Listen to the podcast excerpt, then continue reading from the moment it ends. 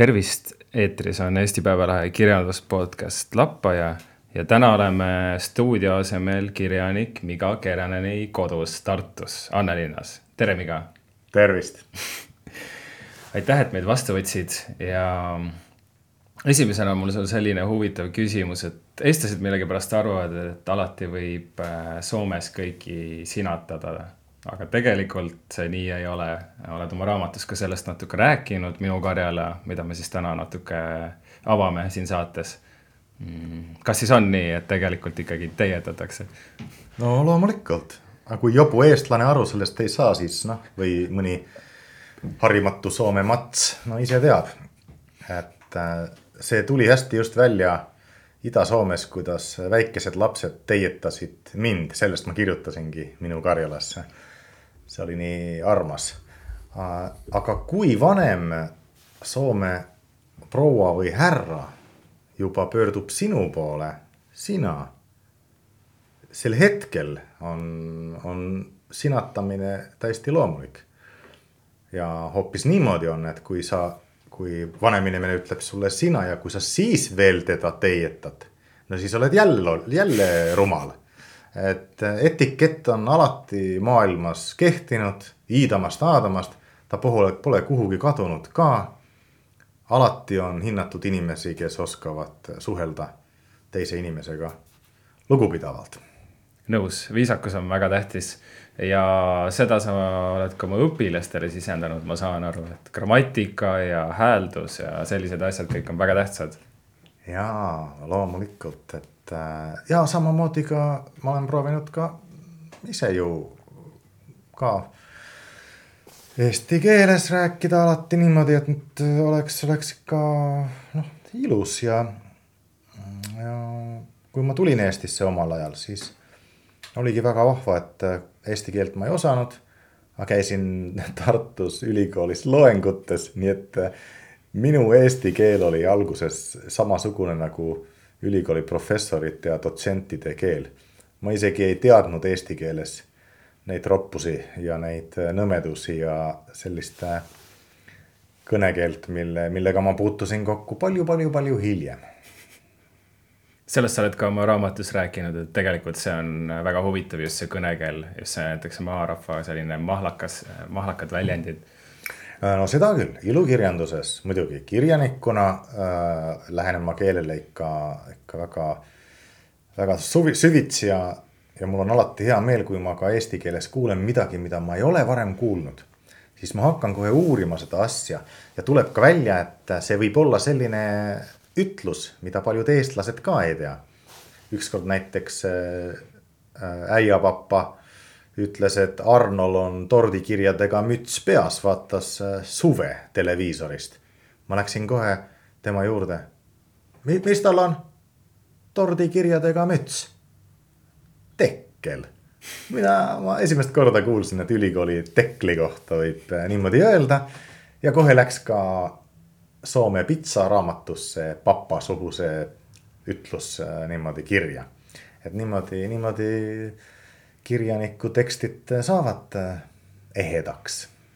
ma jah, lugesin mingist intervjuust seda, sa olid juba kirjeldanud ja üldse seda ka, et sa kogud väljendeid, et kui sa kuuled mingit naljakat sellist huvitavat väljendit, siis paned selle kirja, et tekstis kasutada hiljem. ja nii ma teen ja võib-olla on üks, ma ei tea, võib-olla üks põhjus ongi selles, et eesti keel ei ole mu emakeel, et et siis, siis nende väljendite kogumine on mul ka kuidagi selline, et ma siis saan nagu, et siis on ikka raamatut nagu aus Eesti asi et ma panen ikka kirja selliseid äh, pikki lauseid ka vahel ja, ja mul on, minu jaoks on hästi tähtis, et see on kirja pandud täpselt nii, nagu on öeldud.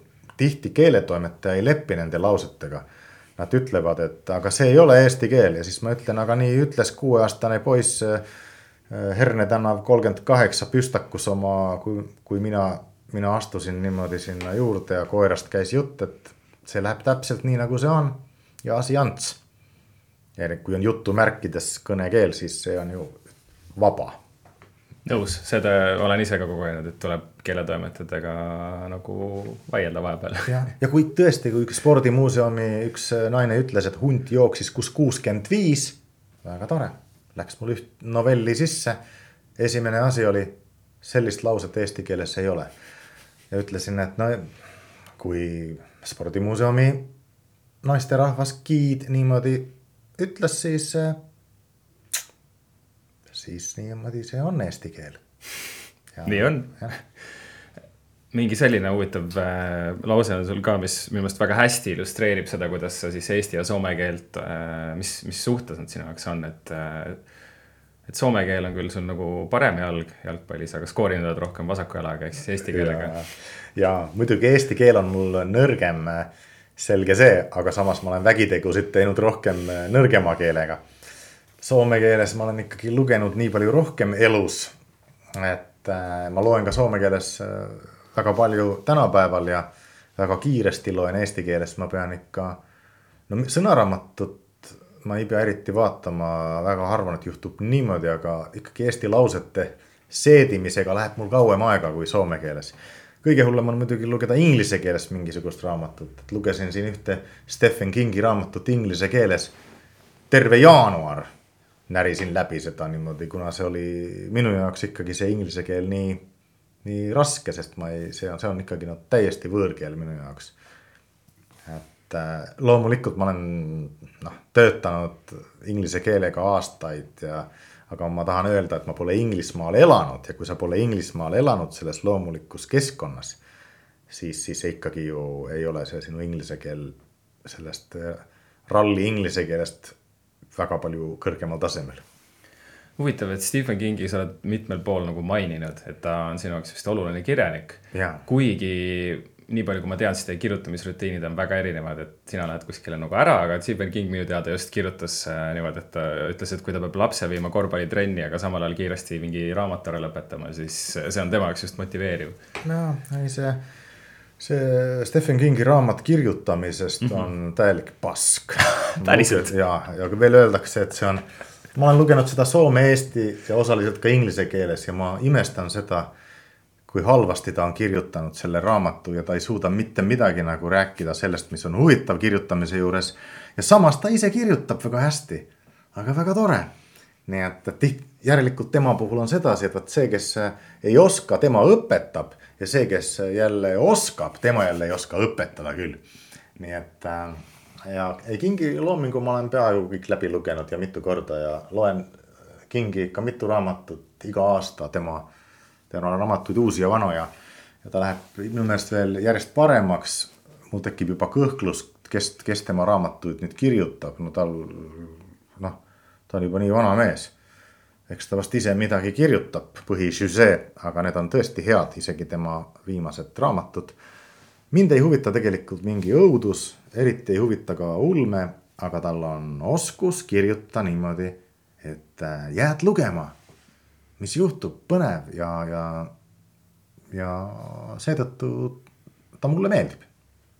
raamatud on sul siin riiulis ka, ma näen. ja Kingi on siin omajagu, aga ma olen, ma olen ka sihuke inimene. kuidas ma ütlen, ma olen, mul on olnud Kingi raamatuid väga palju, ma olen neid täikal ära müünud, mul on olnud kunagi raha vaja Eesti kirjanikud ei ole nii rikkad ja mina olen ka Eesti kirjanik, kui keegi veel pole aru saanud.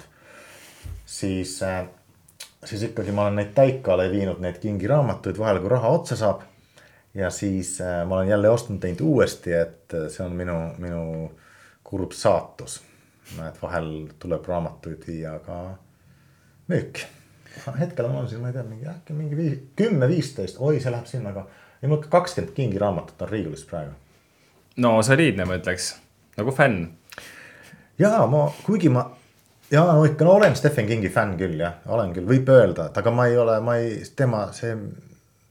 ma loen ta raamatuid, aga kuidas tal muidu läheb elus, noh. ma austan tema privaatsust, mind, ma ei, ma ei ole selles mõttes nagu fänn, ma ei ole ta Instagrami jälgija ja mm. -hmm.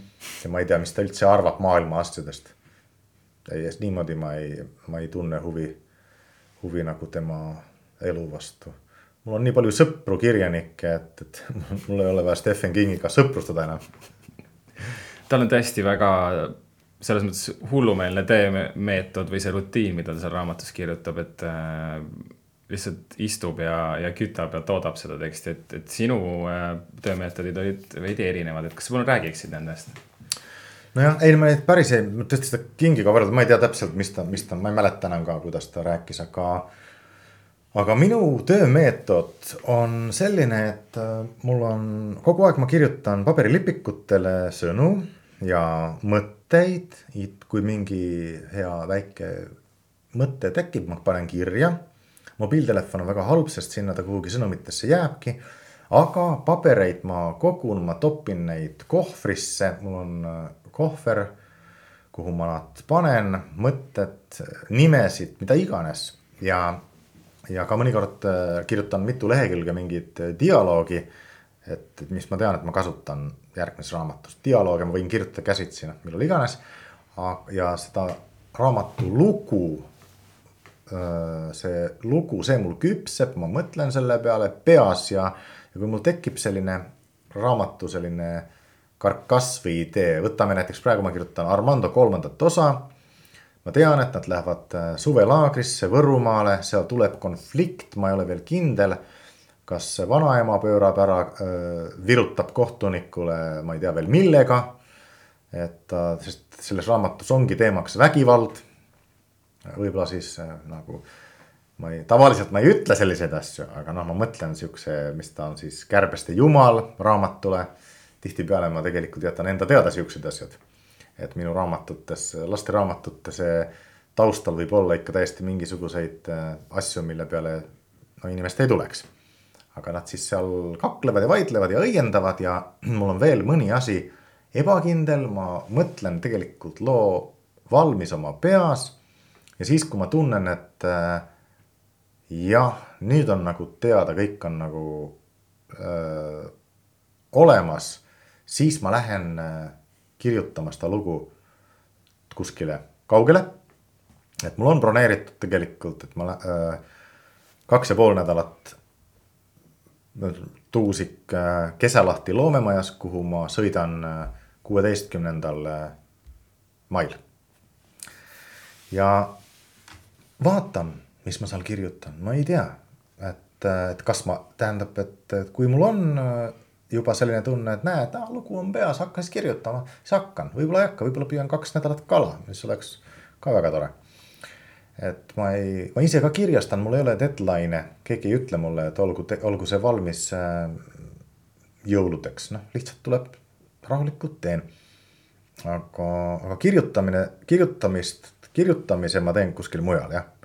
et siis ei ole mul ümberringi mitte midagi, ei telekat ma ei tee lahti, ei ole internetti. ei ole ainult mitte kedagi inimesi ja ühtegi sõpra pole seal, kõigile ütlen, kes tülitavad, et ma olen Soomes, ma kirjutan, kõik saavad aru, et ei ole mõtet rohkem tülitada teda. ja ütlengi, et kui keegi tahab mingi ettepaneku, ma ütlen, räägime siis, kui ma olen Tartus. ja, ja niimoodi ma võin kirjutada päris kaua ka minu Karjalat ma kirjutasin tegelikult kolm kuud täiesti jutti. et äh, niimoodi, et mul oli poolteist kuud ühes kohas, poolteist kuud teises kohas. ja äh,, ja olin veel kuu aega, kirjutasin Soomes äh, eelmine aasta seda raamatut, aga see oli juba, see on kõige pikem periood, kus ma ainult äh, kirjutasin. ja siis oli vaja otsida vana jalkatreener üle, üles et mäletaks, kuidas need asjad olid minu lapsepõlves üheksakümnendate alguses. kes meil olid klubis olid otsisin üles oma äh, kunstiõpetuse õpetaja, käisin, vaatasin äh, veel ringi, rääkisin inimestega, mul oli vaja, nii nagu ajakirjanik peab äh, fakte kontrollima. Minul oli vaja leida inimesi, kellega saaks rääkida, et kasvõi sugu, no suguvõsa asjadest, et ma. minu suguvõsa on pärit Möhköst, Ida-Soomest.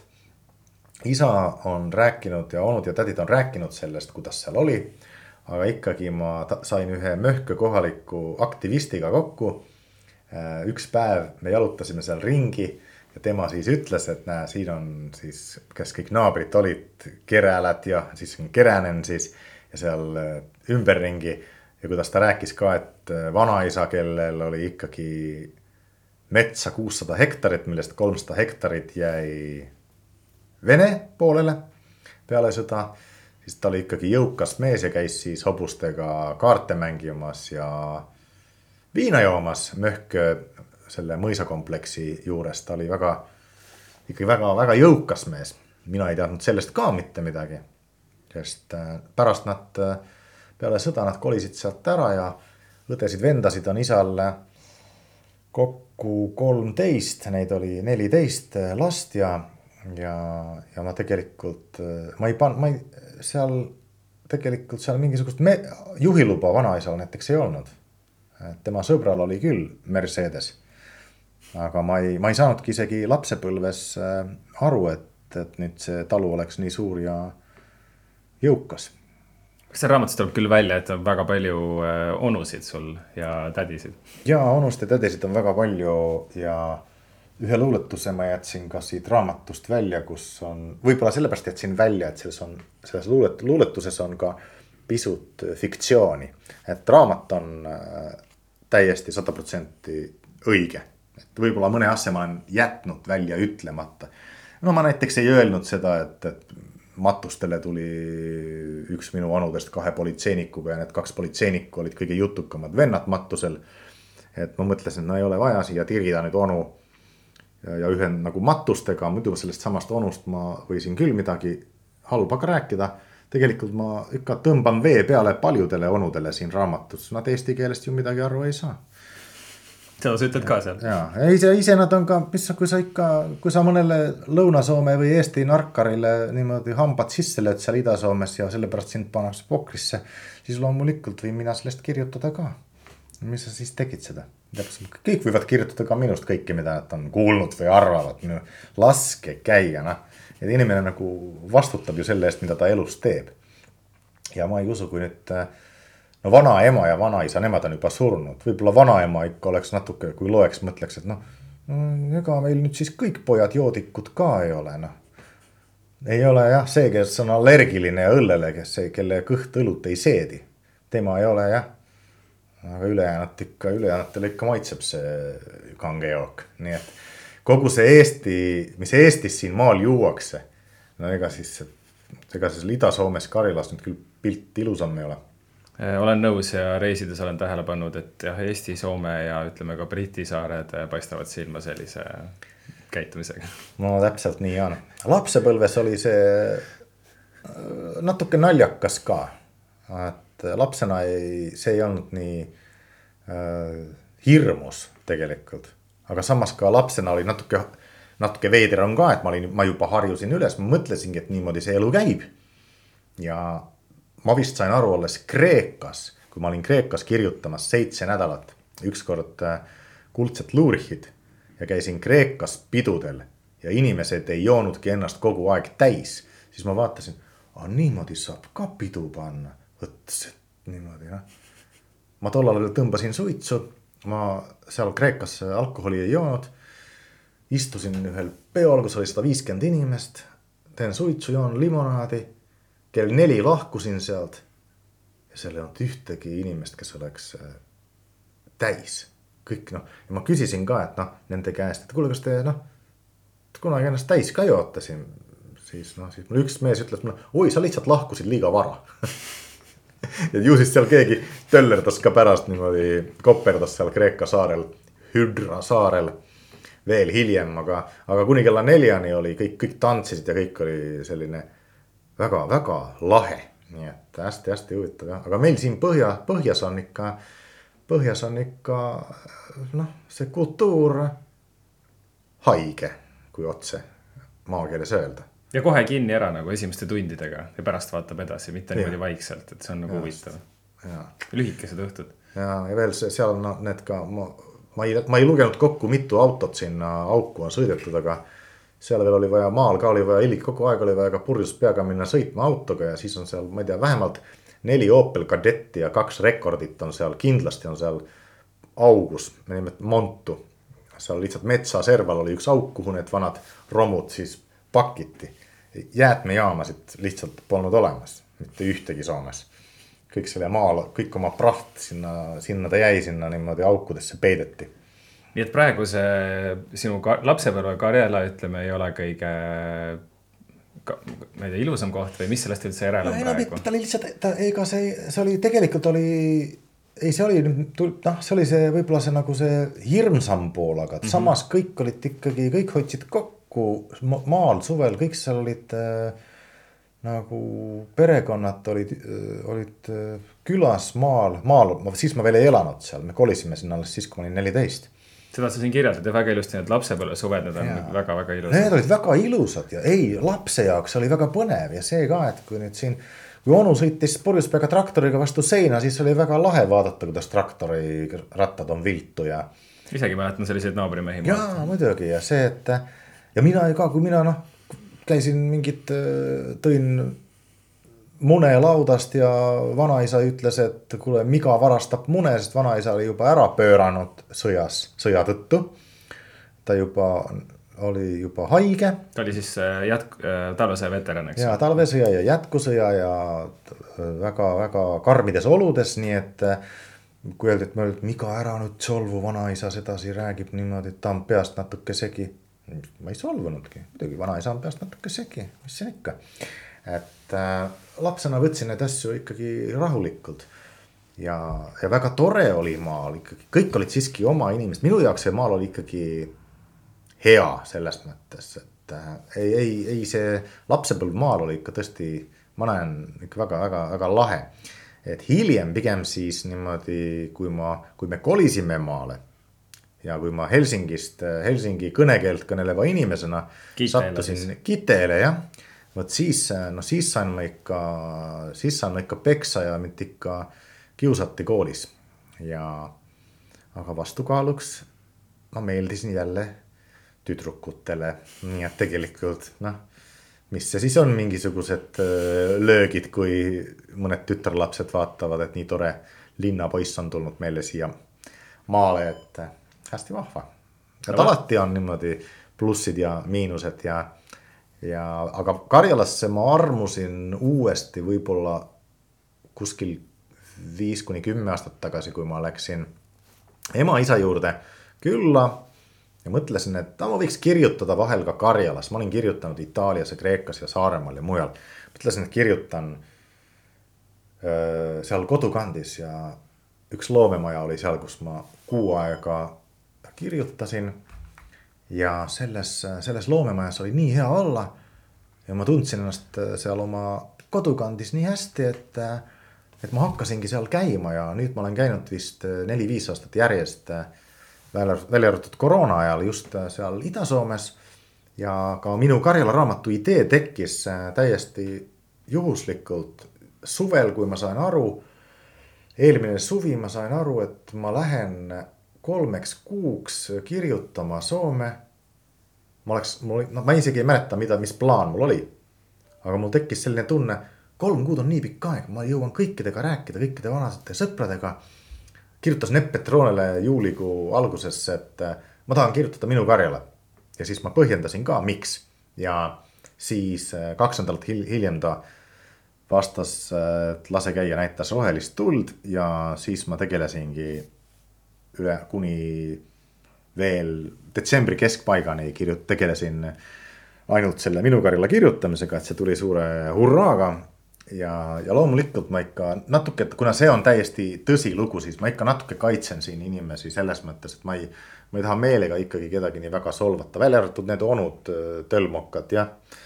et aga, aga ütleme siis härrasmehena näiteks naisi, naised, võib-olla naiste mõned asjad olen jätnud välja. et selles mõttes kõik on tõsi, aga lihtsalt ma ei ole võib-olla kõigest, no oleks võinud veel võib-olla millestki veel rääkida. aga, aga põnev on ka muidu, ma olen ka tegelikult onu peale väga vihane, sest ma. Anti peale. Anti peale, see on põhionu peale mm, -hmm. ta oli, ta oli minu iidol lapsepõlves, mulle väga meeldis, ta oli huumorisoonega mees, ta oli selline no nagu no, noor Marko Matvere, sihuke lahe kuju. ja siis mingi hetk ma ei saa aru, millal see toimus. kas siis, kui ta läks kutsekasse, aga korraga lihtsalt oli tal õllepudel kogu aeg käes. siis oli juba, siis oli varsti juba juuksed ka sorakil. ja ma ei saa aru, noh, kus tema siis pruudid on ja äh, ta ikka, ta ikka, ta ikka kurameeris mõne antikvariaadi müüjaga ja ta on mingi ikka, ikka naised ikka talle meeldisid loomulikult, ma, ma ei saanud aru lihtsalt, et äh, miks ta kogu aeg jõi. ja siis tulid siuksed äh, Soome pasakotid äh,, perekond Varis, terviseid sinna, kui kuulevad raadiot. ja Songa ja külast kõik muud sellised äh,.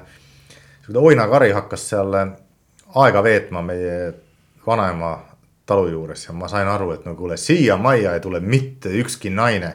niikaua kui see lollikari siin hoovis oma sierrade ja muude pannidega aega veedab ja õlut joob. ja, ja siis hakkas ka see autodega kraavi sõitmine politseiga probleemid ja loomulikult kõikidele tumedanahalistele tuli pan-, pasunasse anda, no kui sa kuskil nägid, see on ju iseenesest mõistetav jah. tollal, nii et siis oli, siis oli mul väga piinlik tegelikult seal lingi, ringi liikuda, et noh. perekonna, ei tahaks olla ka Eestis perekonnanimega, jätan ütlemata.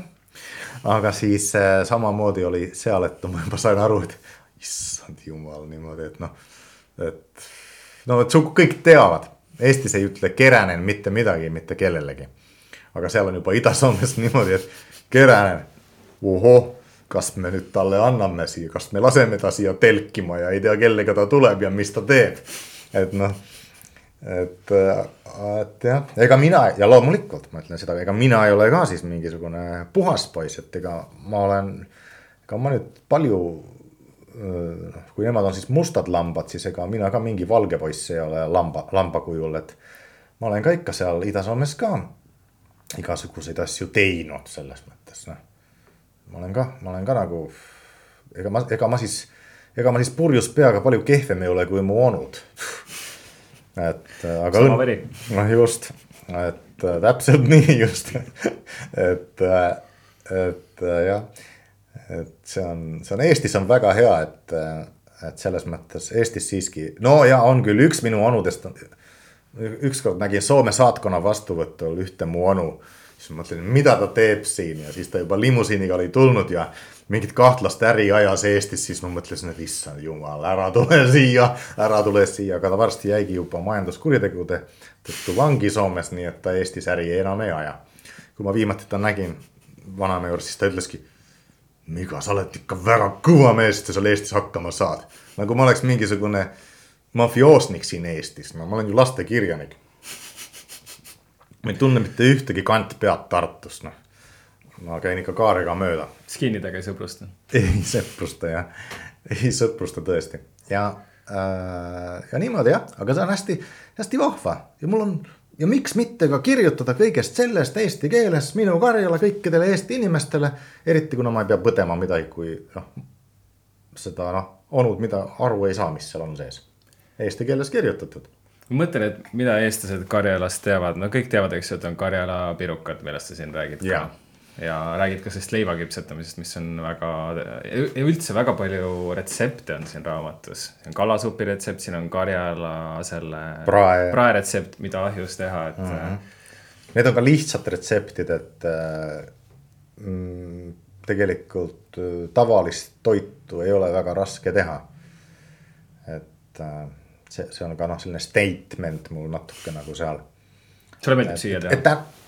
Ja, ja täna ka käisin oma aiamaal, nõgesed juba on valmid, nii et siin just tegime omletti ja panime seal kartul oli juba sees eilsest ja keedetud ja siis tegime selle ära nõgeselehed sinna sisse ja. ja siin Tartu hummust leiva peale, lihtne söök, perfektne söök. lihtne, lihtne toit nõgesesupp on muide ka väga hea söök. ja nõgesesuppi sai ka kunagi tehtud noores eas jah, et ma ei ole ammu teinud seda. no üksi ei tee, et kui keegi tuleb külla, siis teen, aga. ja, ja tegelikult on paljusid asju on veel, on, on, ma muideks oleks, ma oleks võinud veel rohkem retsepte siia panna, aga ei ei, ei, ei tahtnud ka nagu üle uputada, mingi tasakaal peab olema, et onust räägin ühe peatüki, mis ma ikka kirun teisest peatükist teda ja sama natuke nende kalalkäikudega, ma oleks võinud terve raamatu kirjutada sellest, kuidas ma käin kalal üksi ja sõpradega Karjalas, aga.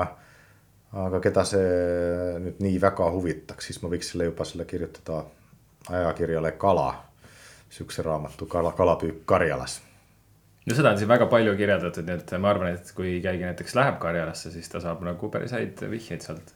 ja, mõned isegi, noh Heino Seljamaaga käisime Imatral ühel Nukuteatri festivalil ja meil oli vaba päev, siis äh, mõtlesime, et lähme rendime paadi ja temal oli spinning, lai suur Vuoksi jõgi. ma ise otsustasin, et ma ise kala ei püüa, et siis ma saan sõuda, jõgi ikkagi on tugeva vooluga seal. ja siis äh, Heino saigi ahventhaugi ja isegi väikese forelli, mida me natuke imest, imetlesime paadis ja siis panime tagasi, aga, aga see, et ta musta mepsiga selle sai, siis see on mul kenasti raamatus kirjas, nii et ma ei, ma ei jäta ütlemata, mis, mis landiga kuskilt kala saab, et ma kalakade ei ole, see on selline huvitav sõna soome keeles, kalakade. see tähendab seda, et mõnel onu on olnud selline kalakade, mitte minu suguvõsas.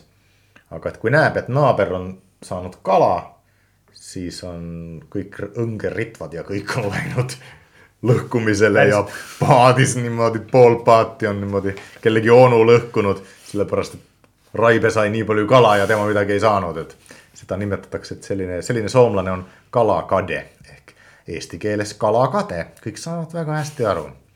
et, et see on selline üks universaalne eh, inimes-, inimeste omadus, armastus, viha, kadedus. Nagu ikka need asjad. ja. kas sul on Eestis ka näiteks siin Emajõe peal mingid oma lemmikkalakohad välja kujunenud? no Eestimaal, Eestimaal mul ikka, mul ikka meeldib Emajõe vanajõgedel kanuuga käia, et äh, ma nüüd äh, müüsin oma kanuu maja maha sellepärast, et mul oli väga hea peidukoht, minu kanuu oli Lodja koja all. mitu aastat talvel täiesti lukustamata, keegi ei puutunud seda. Aga siia ehitati vana Lodjakoja asemele selline moodne uus Lodjakoda Tartusse. aga mul ei ole kuhugi oma kanuud peita. nii et äh, siis ma müüsin selle tuttavale taksojuhile ükskord maha lihtsalt selle kanu, et ma saaks sellest kanust äh, lahti. ma tean ja. küll, kus see kanu on praegu Viljandis, et noh, kui ma väga tahan oma kanuud näha ja Viljandi järvel sõita, siis see võimalus on alati olemas. Paadivargusest räägib üks sinu raamat ka ju. jaa, ma ei, ma tahtsin, kuna mulle Suppelinna salaseltsi film väga meeldis, et Margus Paju tegi väga hea filmi ja, ja stsenaristid kõik kiidan, kiidan väga neid alati igal pool. siis äh, mulle jäi filmis eriti mulle meeldis see Emajõe peal kihutamine lõpus. ja ma mõtlesin, et ühe raamatu ma pean kirjutama ainult Emajõest. et äh, ja siis äh, nuputasin, et no mis võiks siis olla, et mis Emajõel, mis siin võiks toimuda ja samal ajal, kui ma kõnnin Emajõe ääres ja mõtlen, mis see teema võiks olla, siis jõmmu sõidab vastu, jõmmu sõidab mööda. esimene mõte oli, et keegi varastaks jõmmu ära. ja teine mõte oli, miks ja siis mõtlesin, no ja isegi kui miks, aga kuidas? kuhu sa sellega sõidad, kuhu sa peidad jõmmu ära? Et ei, sihukest raamatut ma küll ei taha kirjutada, ei, ma ei hakka kirjutama, aga siis kuidagi. jälle, kui ma läksin Emajõele jalutama ja mõtlesin niimoodi, et no mis lahedat võiks Emajõel kihutada. jälle jõmmu tuleb. mõtlesin, mõtlesin, et noh, okei okay,, hakkan uurima asja kuhu peita jõmmu, kui ma varastaks. ega mina kirjanikuna, minul ei ole, ma ei ole nagu, mul ei ole fantaasiavõimet niimoodi nagu mõnel kolleegil on, väga, väga vahva. kui, kui mõni suudab sihukese mõelda välja igasuguseid asju. mina ei jaksa, suuda midagi välja mõelda õieti. ja siis ma lihtsalt rentisin ühe progresspaadi Varniast, sõitsin mööda neid jõgesid seal äh, võr-, Peipsi suuna, tähendab Emajõe lisajõgesid ja teisi jõgesid mööda seal äh, Peipsi kandis, Emajõe Suursool. siis, siis Indrek Kohvilt ostsingi kanuu, millega sai sõidetud äh, Tartust Võrtsjärve poole jõgedel. Ja otsisingi koha, kuhu saaks jõmmu peita.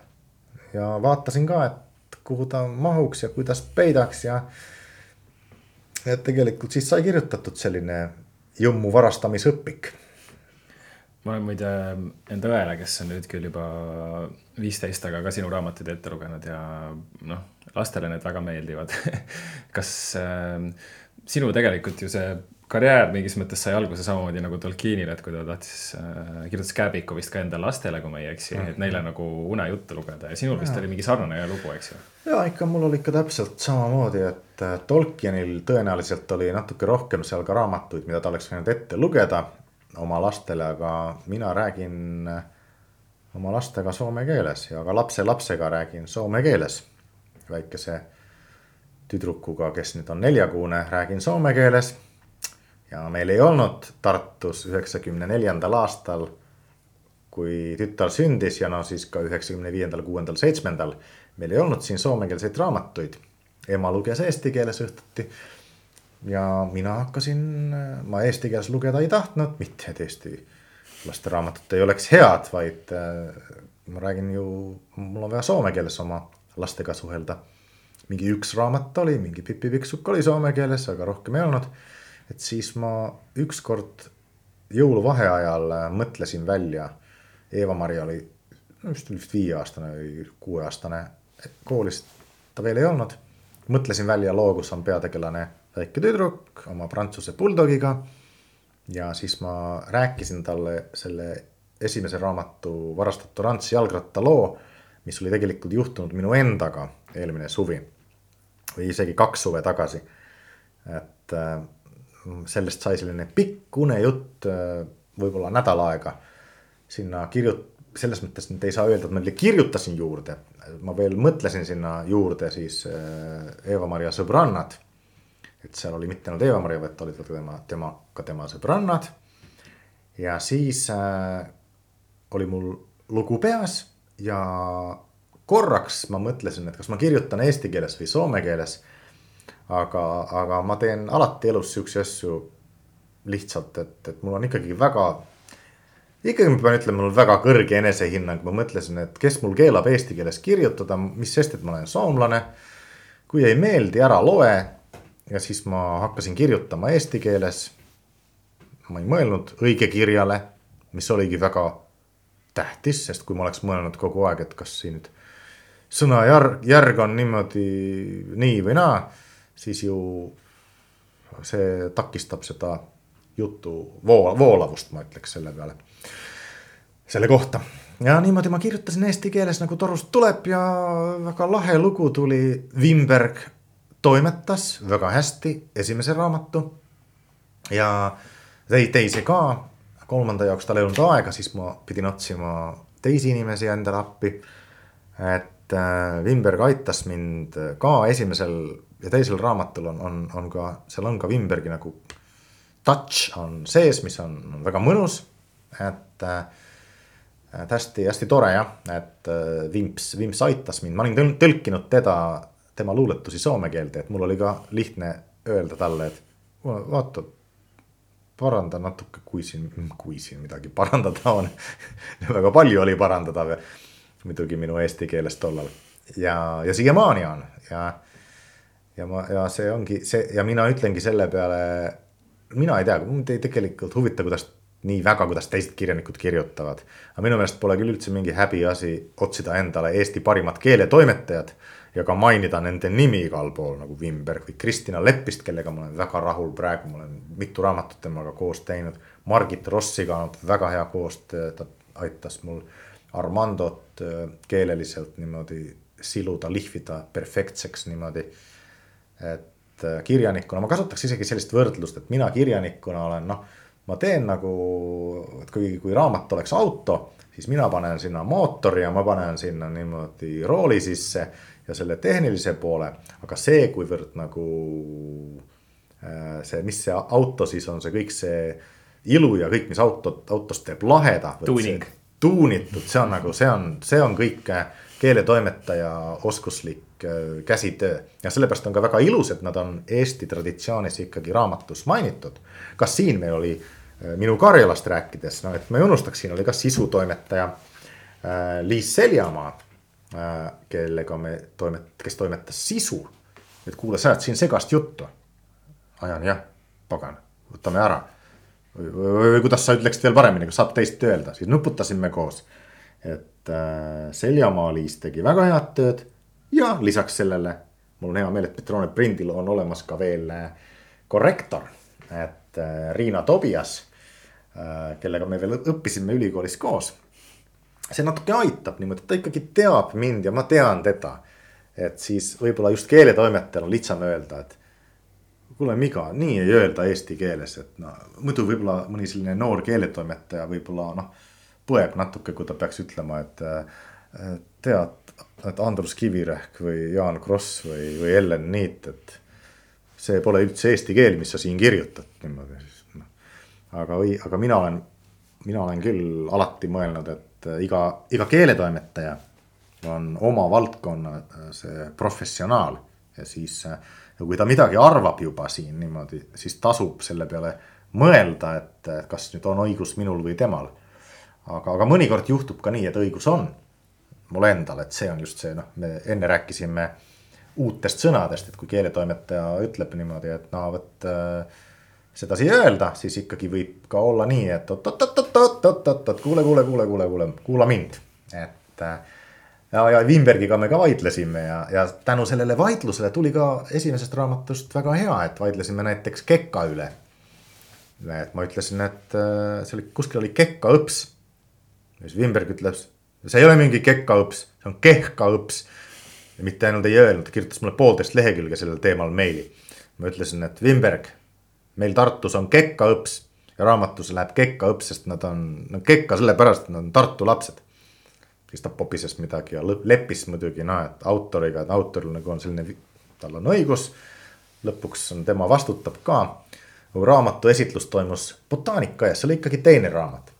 botaanikaaias siis ta käis, Wimberg käis läbi kõik lapsed, kes seal olid niimoodi kuidas ütled kehaline kasvatus äh, lühidalt?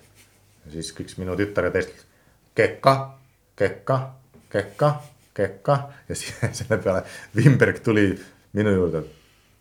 väga imelikud lapsed teil siin Tartus niimoodi tema jaoks ikkagi kehka oli õige ja, ja mingisugust kekat ei ole.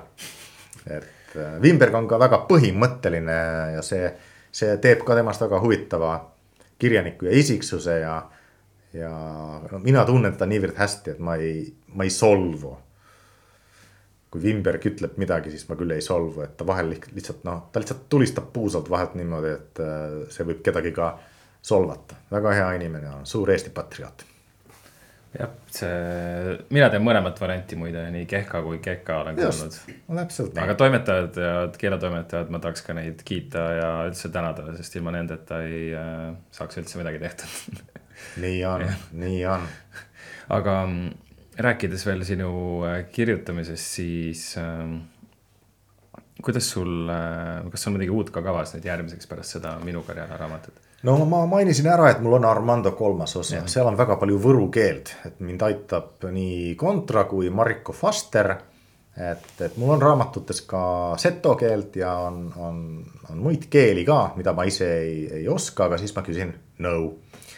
et äh, Armando kolmas osa, aga väga palju sellest rääkida ei taha seetõttu, et, et seal ei ole veel kõik kindel et alguses ma mõtlesin, et äkki tegevus toimub äh, äh, kuskil Urvastes, ma olen ise käinud ühes väga lahedas kohas seal äh, Santosega. jalgpalliklubi Santosel oli, on olnud seal laagreid. kasvõi vidrik, vidrikese puhkemajas või võib-olla eksin kohanimega, et noh, oma vaimusilmas mul nagu tegevus toimub seal selles kohas. aga oma koha nimi on võib-olla raamatus Vihaste.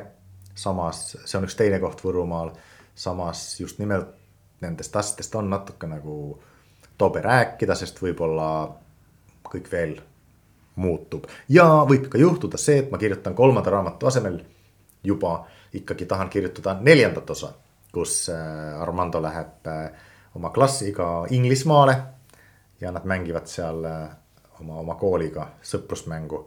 et see on mul siis neljanda Armando mõte, aga siin võib juhtuda ka see, et, et ma ta kirjutan neljanda Armando enne kolmandat, no siis on, siis noh, nii läheb siis. viisid juttu jalgpallile ja ma arvan, et ka paljud äh, sinu lugejad teavad sind suure jalkafännina. praegu on sul Teemu Puki särk seljas, kas see on äh, selle, tema meeskonna? jaa, Norwich City, Norwich City teine võõrsil särk jah, et äh, Norwich on ka Tartu sõpruslinn kirjandusvaldkonnas kuulub UNESCO kirjanduslinnade võrgustikku. et ma kindlasti kavatsen ka külastada Norwichi.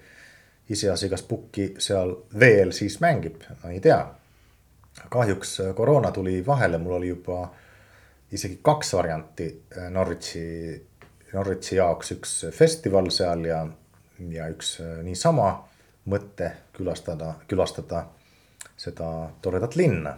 nii et ma oleks ikka oleks ikka mõne mängu ka käinud vaatamas, et nüüd ma käisin Amsterdamis vaatamas äh, Hollandi-Taani mängu äh,. ja õhtul Draamateatri üks etendus oleks olnud samal ajal, aga neid ma jõuan vaatama iga kell. ja sama, ma olin seal lastekirjanikuna ühel üritusel. Eesti, Eesti emad kutsusid mind ja isad muidugi ka kutsusid mind sinna esinema ja siis oli samal ajal seal üks koondise mäng. ja kui ma käisin ka Londoni raamatumessil täiesti oma kulu ja kirjadega, siis mul meeldis seal messil täpselt nii palju olla, nagu mulle meeldis, mis tähendab, et mitte eriti.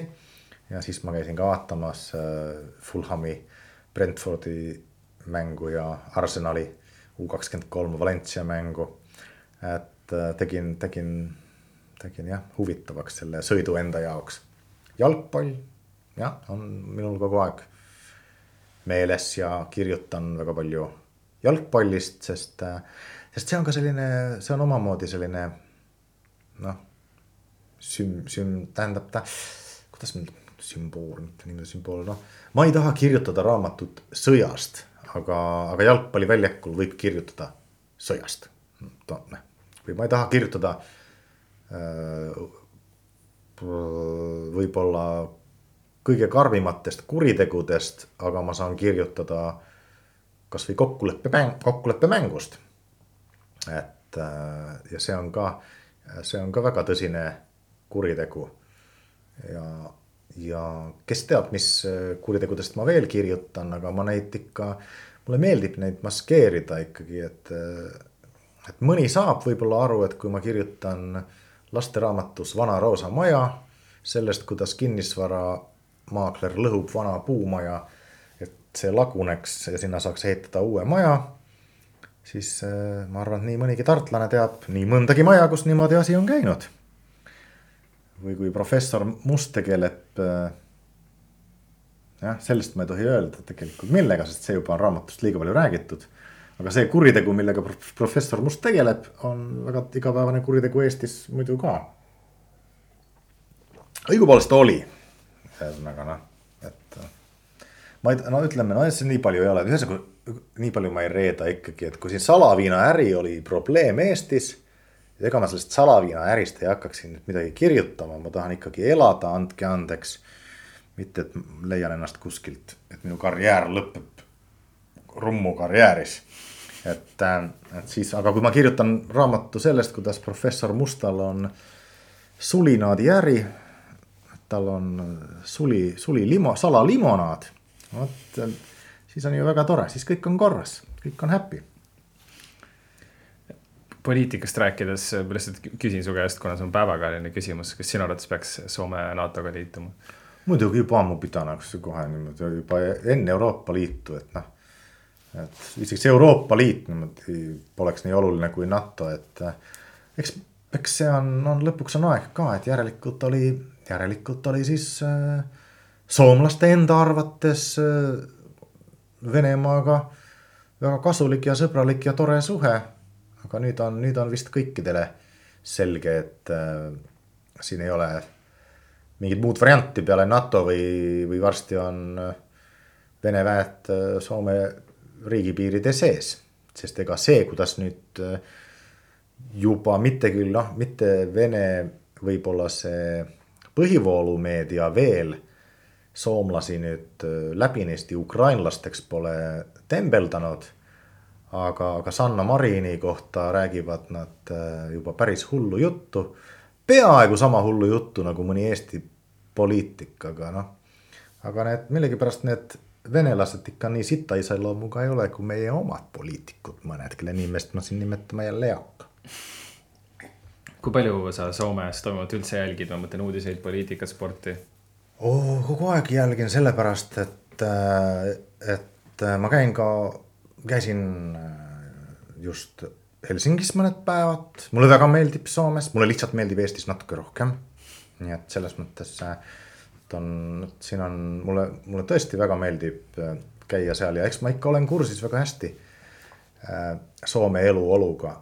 pigem ma tunnen, et võib-olla ma alati ei ole kursis sellega, mis toimub Eestis, sest mul ei ole telekat, mul ei ole aega siin telekat vahtida. väga hea.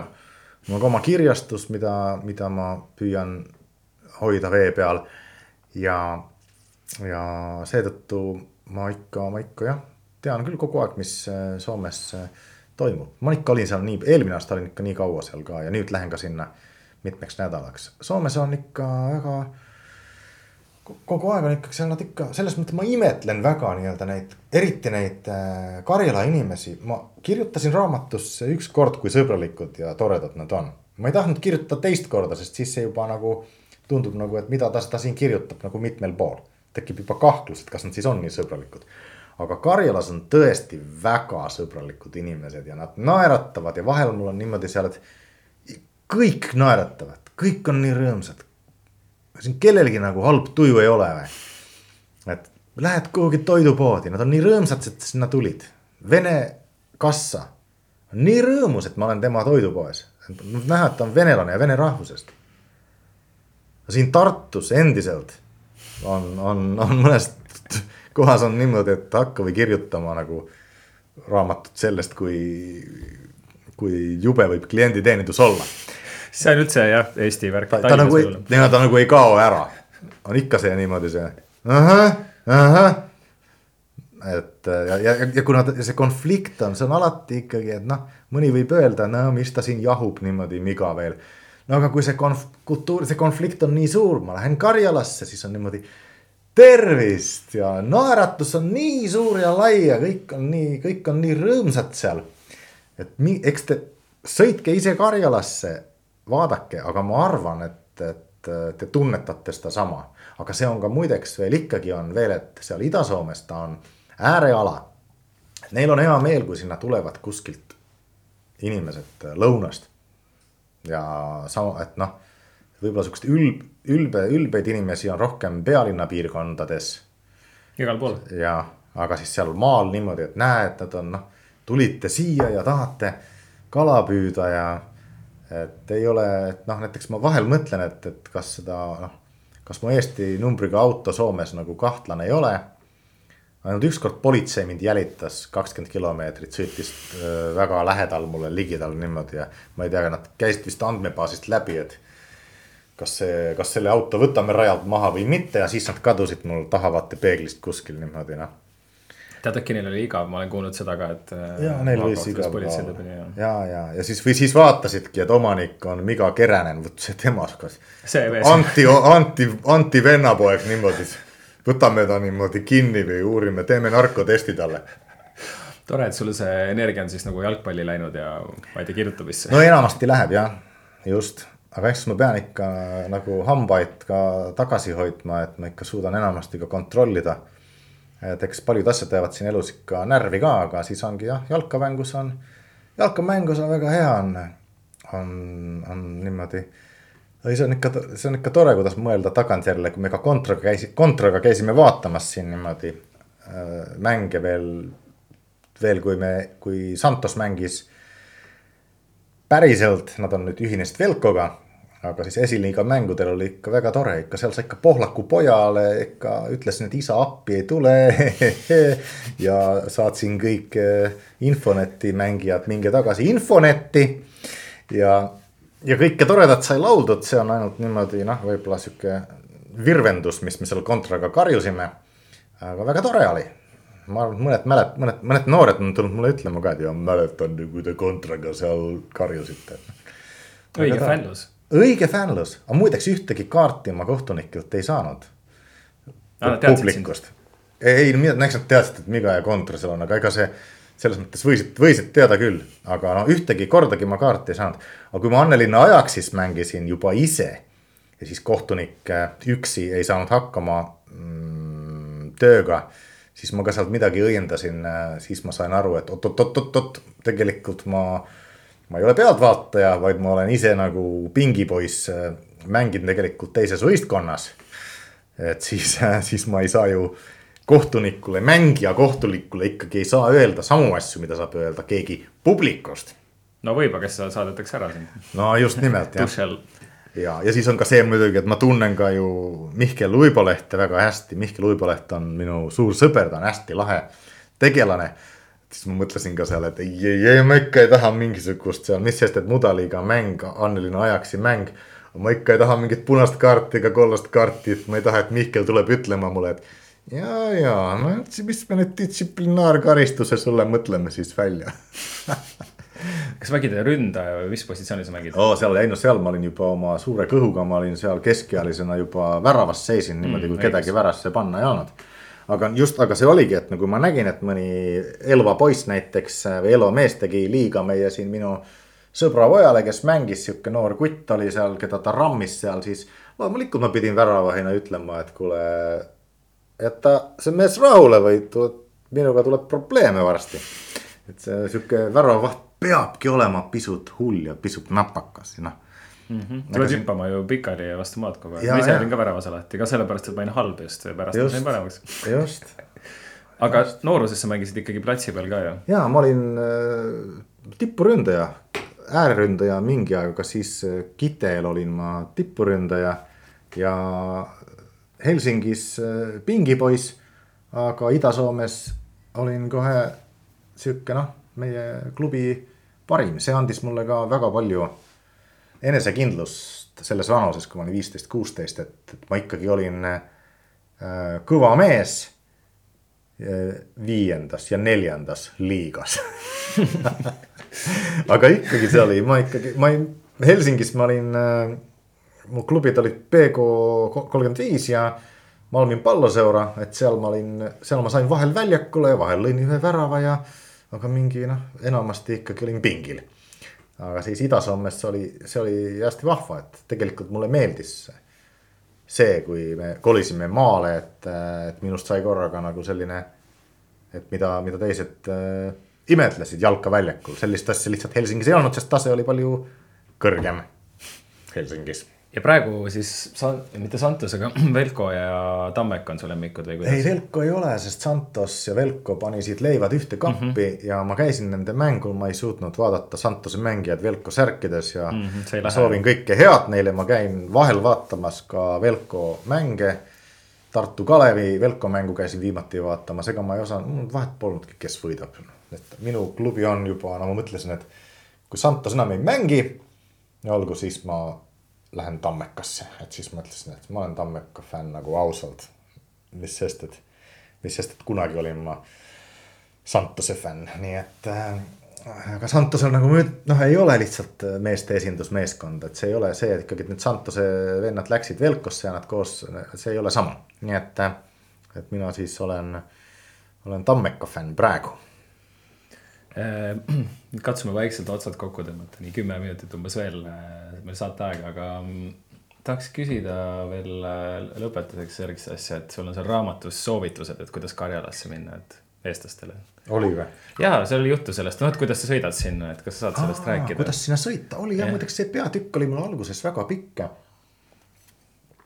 mul oli vaja ikka kirjeldada juba Vanda jõest kõik kalapüügikohad kuigi Vanda jõgi on nagu Pirita jõgi, noh, selles mõttes, et äh, kirjutan raamatut, noh, kirjutaks raamatut soomlastele Setumaast, siis ma hakkaks Pirita jõest pihta. aga mis seal oli jah, põhiline on ikkagi, et äh, ruttu kaugele. Kümi jõgi on esimene jõgi, seal on üks sihuke hästi to tore koht, Kümen paviljongi. ei ole nad mulle maksnud midagi, et ma reklaamin seda kohta. see on sihuke, kus tasuks, tasuks kord käia, võib-olla siis äh, Kemmergus seda kohvi juua ja tunda rõõmu sellest, kui hea kohv meil on Eestis ja kui õudne on Soome kohv äh,. tasub võtta Eestist oma kohv kaasa ja oma, ma ei tea, kohvikann ja ma ei tea, oma barista Eestist, see võiks kaasas olla. ja. piima ei pea kaasa võtma? ei, aga kohv on ikka Soomes äh, minu arvates äh, väga õudne, aga neid see ei sega, nii et mis siin ikka. las nad joovad seda oma, oma tökatit haput lurri, kõik teavad, kui õudne see on, sellest ei pea loengut pidama.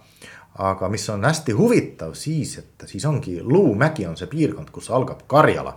et siis on äh, ja võib ju on sihuke ansambel ka nagu Ne Luume, et, kes teeb Ramonsi laule. Ramo punki soome keeles, vot siis võib juba hakata neid kuulama varsti olete, olete juba saabunud juba Nightwishi piirkonda ja seal on ka Värtina, kes suudab taluda neid värk, Värtina soigumist niimoodi noh. Nende, nad laulavad äh, ugri-mugri laule ja see on päris õudne, mul on ilmselt traumad põhikoolist ja gümnaasiumist, kui need tüdrukud olid minu klassis ikkagi. ja no see on jah, see on ikka üks, üks, aga üks väga-väga-väga hea bänd muidugi Värtine nagu ka Nightwish. et noh, ikka pean väga lugu nendest. Kitest pärit, eks ju. no Kitest pärit. Et seal Karjalas siis on üks sihuke napakas park Parikalas, kus on siuksed skulptuurid, mis ikka, mis on ikka päris hirmsad, see, selle, see park on ka, selle leiab ka, kui panna Google'isse lihtsalt world scariest park. siis tuleb see, et see on kõige jubedam park, see on betoonist kujud ja päris hambad on seal nendel tegelastel ja jube koht äh,. aga samas ka kuidagi jube aga ilus. no see on nagu tõesti nagu Stephen Kingile meeldiks selles pargis. täpselt sihuke park, aga midagi ilusat on selles ka. ma ei, ma ei oska, midagi selles on ka veel kaunist. see oli ühe külahullu koht. ja muidugi on seal siis veel teel Karjalasse, siis esimene sihuke korralik Karjala koht ongi Lönnruti mänd. selle leiab ka guugeldades üles ja kaljujooniseid on ka Imatra kandis, et seal on ikka väga palju igasugu asju, aga natuke peab minu Karjala raamatut lugema lihtsalt, et noh. et seal on lihtsalt nii palju kõike. et äh, aga see teekond on Karjalasse on ikkagi, Kitele on nelisada kilomeetrit, sealt edasi peaaegu sada kilomeetrit on Joensuu, Joensuust kaheksakümmend kilomeetrit on Koli, Koli rahvuspark.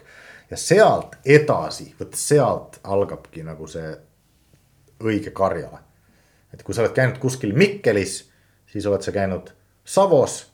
aga see on juba ka palju parem kui lihtsalt, et oled käinud äh, Helsingis. aga see, see on see, need on need Ida-Soome piirkonnad.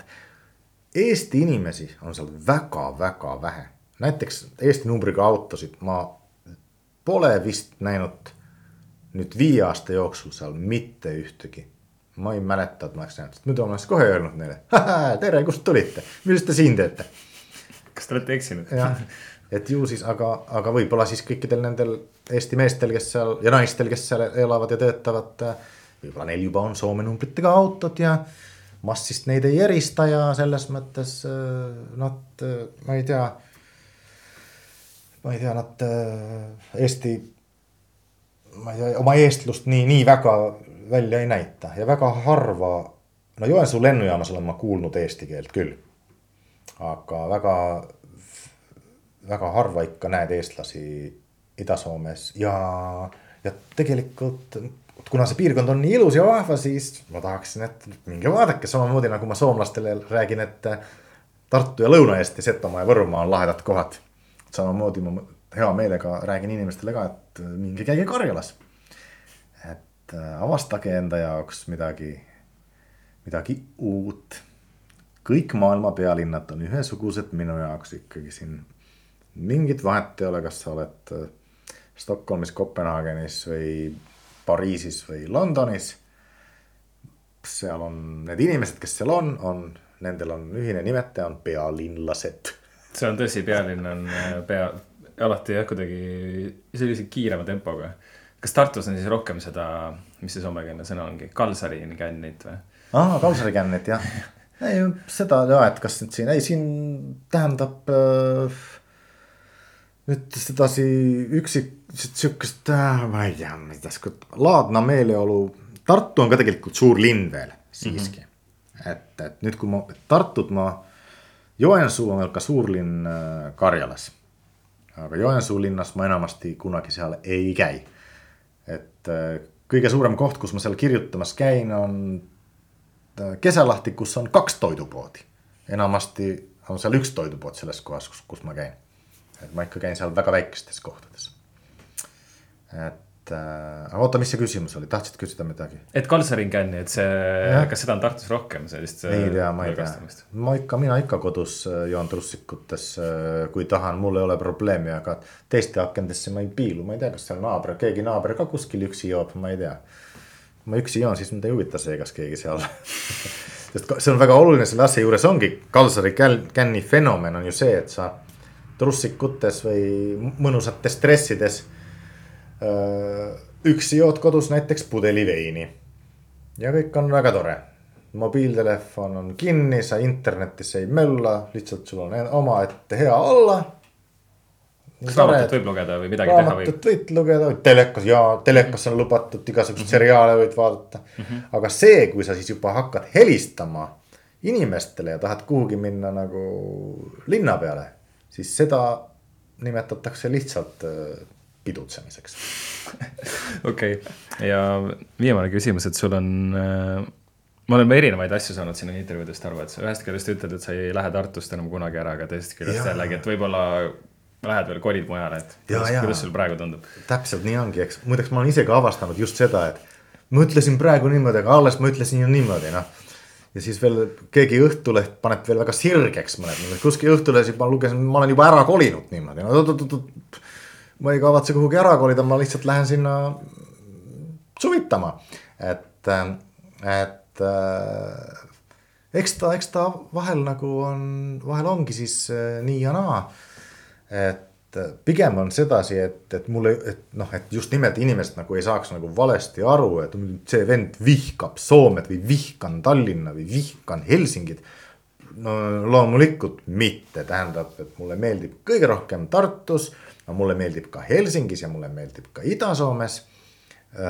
kui tuleks mingi sihuke noh, lihtsalt sihuke nagu hea äh, mitte nüüd pakkumine, aga sihuke hea põhjus, et võiks näiteks äh, elada Helsingis, siis ma üldse seda ei, ei välistaks, et äh, no et mul, mul selles mõttes, et ma, ma üldse ei imestaks, kui näiteks kümne aasta pärast äh, ma Helsingis äh, elaksingi, et selles mõttes see ei ole selline võib-olla ma kunagi, võib-olla jah, ma selles mõttes, võib-olla ma olen nagu kunagi olnud, kui ma neid intervjuusid andsin, ega ma siis noh, ju ma sellel hetkel võib-olla olen olnud mingi väga kategooriline, et ei nüüd, nüüd kui ma, võib-olla see on ka seotud sellega, et näed, nüüd kui ma lõpuks Tartus sain nagu elu korda sedasi, et noh, mingi raha ikka jookseb, mingi kulka krant on all.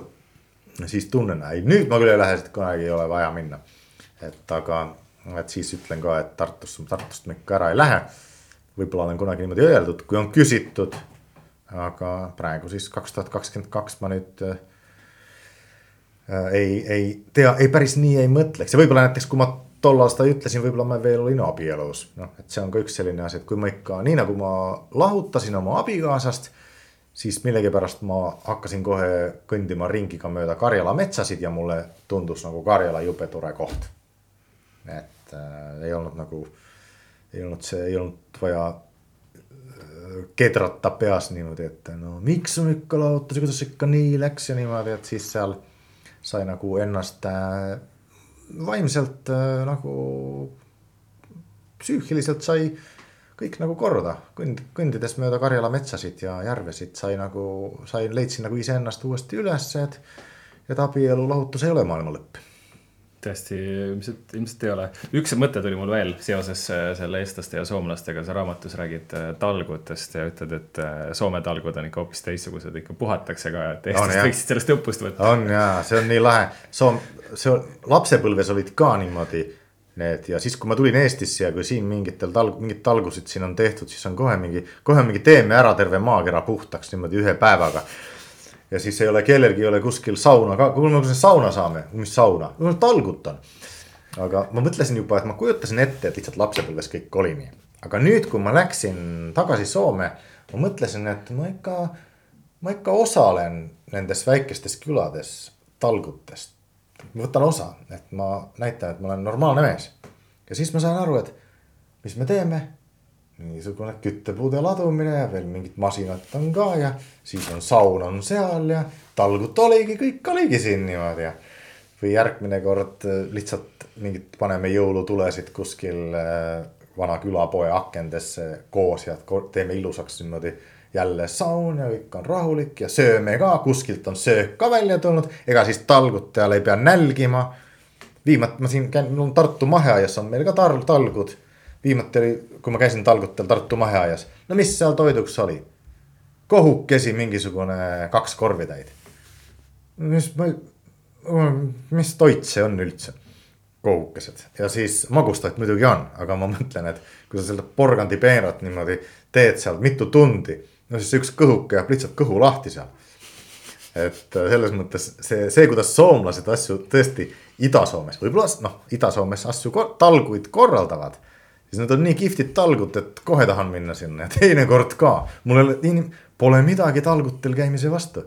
ja, ja Kesalahtis ka me tegime, me, ma veel mõtlesin, et noh, et ma lähen sinna, läksin ja siis öeldi, et me paneme viis kilomeetrit selliseid raud, raudkangiga lööme sisse siukseid märke niimoodi maa sisse siis ma mõtlesin, et ma lähen sinna, korralik trenn, korralik maraton.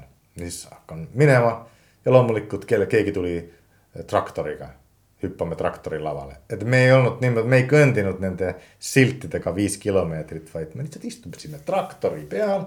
siis jälle viiskümmend meetrit, lööme maa sisse need, need matkaraja märgid, siis jälle edasi. aga, aga no tõesti kui oleks, kui jah, kui mida võiksid eestlased soomlastelt õppida, siis tõesti seda, kuidas korraldada talgud niimoodi, et see inimene tahab talgutele tulla ka järgmine kord. vot. selge, aitäh Miga saatesse tulemast ja siis sinu uut raamatut võib äh, minu karjala võib siis Prima Vista kirjandusfestivalil äh, raamatulaadalt saada ja poodidest ka. aitäh. aitüma